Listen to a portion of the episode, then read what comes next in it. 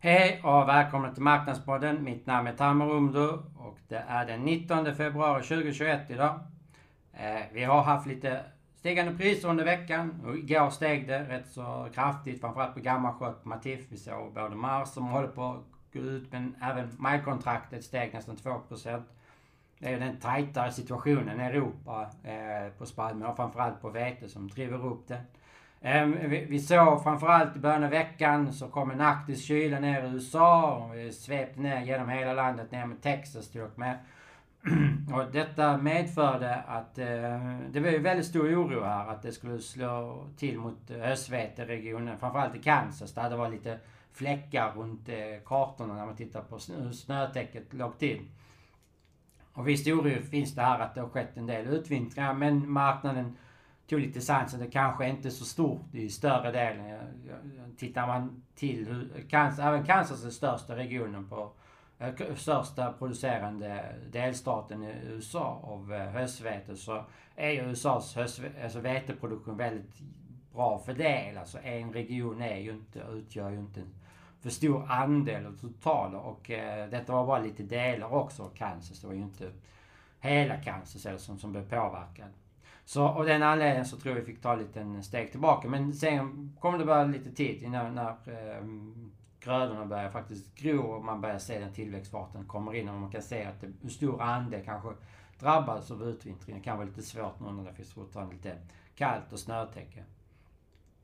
Ah, ehm, även här hade vi haft lite kallt, lite kyla som svept igenom. Vi har haft snötäcke större delar. Det är väl några lokala risker som kanske uppstått på utvintring, vissa frostskador kanske. Men det är ju väldigt, väldigt begränsat. Eh, svepte även ner mot eh, Ukraina och Ryssland. Eh, även där väldigt begränsad och eh, ehm, kanske ingen till och med kan säga det. Det kommer kallt, framförallt i Ryssland nu vad det ser ut så. Framförallt centrala och Volgograd, en stor, rätt så stor eh, höst, eh, veteproducerande region också där. Kommer komma ner mot minus 25 någonting sånt närmsta veckan här. Eh, men det, det, det är ju inte... Det, det är gott om snötäcke där så det finns ingen sån större risker. Jag, jag tror ryska problemet är just den här exportskatten som de här kom till med här Eh, början av året. Med, först var det gammalskörd och den nya som dyker upp här först av juli med 70% skatt på allt som kostar över 200 dollar på vete. Och de, de har ju skatt nu också på korn och majs. Och även på oljeväxter. Så det är ju, ja de täcker ju hela gänget här. Det är väl inte det, Med tanke på vilken väg Ryssland eh, lantbruk och spannmålsodling var eh, i riktning så plötsligt återkomma detta. Det, det, det, det var ju inte helt genomtänkt. Eh, Ryssland har ju varit den största exportören av vete senaste eh, fyra åren. Fyra åren på rak så har de varit störst. Dessförinnan var det Europa som var det, USA någon gång. Men eh, nu, nu har Ryssland totalt tagit över. Detta är ju inte helt... Vi får se hur lantbrukarna börjar tänka framförallt på vårgrödorna här när de ska så. Om man kommer välja vete eller inte. Det finns lite risker involverade på tanke på prisläget ligger till där. man får ju inte alls den här uppgången. Och så samtidigt så är det problem för mellanhandeln också. Så de ska försöka hitta någon lösning på att exportera detta. Jag ska köpa från lantbrukare men jag vet inte exakt vilken pris jag ska ge ett lantbrukare för det är osäkert där med 70-procentiga skatten. Går priset upp så måste jag räkna på ett annat sätt. Går priset ner så måste jag... Det är väldigt svårt rent Eh, Eh, riskmässigt, finansiellt, om man ska sköta den risken som mellanhand och köpa in för lantbrukarna så vet man inte hur man ska hantera det. Det blir jättesvårt detta för eh, mellanhanden också. Och det kommer leda till att de kommer vilja ha större marginal och lantbrukarna prissätter mot dem. Så det finns ju väldigt stora risker involverade. Inte helt eh, genomtänkt som sagt från eh, ryska sidan. Jag tror att eh, Putin behöver nog nya vänner eller rådgivare rättare sagt. Ehm, fokus eh, värdemässigt är fortfarande Sydamerika. Eh, det är ju långsamt, eh, framförallt det stora exportlandet Brasilien. Eh, långsamt där med tröska sojabönor, det går långsamt med skörden. 9% eh, skördat eh, förra veckan jämfört med 21% som var förra året. Och efter man har skördat sojabönan så ska majssådden eh, komma igång och då har man bara sått 11% jämfört med 33% förra året. Och där är, där är oron, det är oron för majsen framförallt just nu.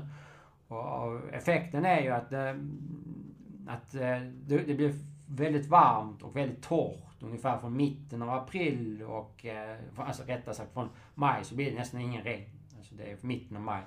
Eh, Tittar man på den här stora delstaten eh, Mato Grosso i Brasilien som står nästan för, jag tror det är 30% sojabönor och 40% av den här majsskörden nästan, eh, safrinien. Och eh, blir den försenad eh, så från april, alltså fram till april ungefär, mitten av april så kanske kan det komma så 1000 millimeter någonting så. Det kan komma extrema mängder nederbörd i den här regionen. Men efter det så faller det rätt så kraftigt och efter, eh, till, från mitten av april till mitten av maj. Men efter mitten av maj så kommer kanske två, tre månader, kanske 50 mm max. Det kommer nästan ingenting. Och sen blir det varmare också. Så det, och grödan inte kommit in i en tidig, alltså kommit in i mognadsfasen så kommer det påverka avkastningen eh, väldigt kraftigt där. Det slår ju väldigt varmt och väldigt tydligt när det blir förseningar att eh, skörden faktiskt blir dålig. Och det är det som är risken i utifrån vad situationen är för Brasilien. Argentina, eh, även där har vi blivit färdiga så att de har kommit igång där med eh, grödutveckling både för majs och sojabönor. Men eh, vi fick väldigt bra nederbörd här slutet av eh, januari och början av februari. Det var ju torrt dessförinnan och många tyckte att detta var precis vad den eh, vad grödorna behövde. Men nu är det torrt igen. Och det var torrt nu här nästan en vecka och så kommer det vara torrt nästa 15 dagar ser det ut. Så det, och prognosen indikerar ja, det är inte optimalt nu när den börjar komma upp i tillväxtfasen här. Och jag, jag tror att det finns eh, sannolikheten rätt så hög att vi kommer se ytterligare sänkningar än vad marknaden tror. För den här, håll den här värdeprognosen in så här torra som var nu. Eh, det, det bör nog komma ytterligare sänkningar där. Eh, tittar vi till eh, vårområde så är det ju vårbruket som ska komma igång här. Eh, vi har haft en lite kallare väder än normalt så vi, vi ser lite varmare ut nu närmsta tiden i Europa. Så vi ska nog börja komma igång med vårbruket här. Det är lite torrt i Nordafrika vissa delar, framförallt Algeriet här under veckan. Algeriet är rätt så viktigt för eh, vården, är rätt så viktig export. Eh, Eh, land eh, för, våra produkter, framförallt på vetesidan. Så mm, det, har en viss betydelse för vår del i alla fall. Eh, jag, jag är ju fortsatt eh, bullish rent generellt. Kina har stängt under veckan och firar nyår. Jag tror inte vi kommer ändra så mycket nu på importsidan. Vi kommer fokusera lite mer på Sydamerika, fortsätta där. Sen, sen får vi gå över till eh, norra halvklotet. Eh, våra fronter är Europa och eh, Ryssland och Ukraina. Men samtidigt även USA. Det ser, det ser ju inte så bra ut dessa här eh, prognosen som kommer in här mars, april, maj. Det, det ser ju varmare och torrare ut än, eh, alltså betydligt torrare och betydligt varmare ut vad som skulle vara normalt där. Och det kommer nog påverka framförallt eh, höstvete ser det ut som. Så det kan slå lite mer där tycker jag. Eh, det är väl värdeprognosen de pekar på just nu. Eh, vi har stöd för det mesta prismässigt just nu. Eh, rapsen tycker jag ser väldigt intressant ut. Det är fortsatt stöd för proteinerna och driver upp mjölpriserna, framförallt den bristen som har uppstått i USA, mer eller mindre slutsåld. Och Brasilien tycks exportera mindre, så det är rätt så hög eftertraktan. Vi ser att canolan säljer väldigt starkt från, eh, från Kanada exempelvis. Och det, det, det är också likartade signaler vad jag får från Australien att de har rätt så stark exporttakt just nu. Eh, från kanolan där också.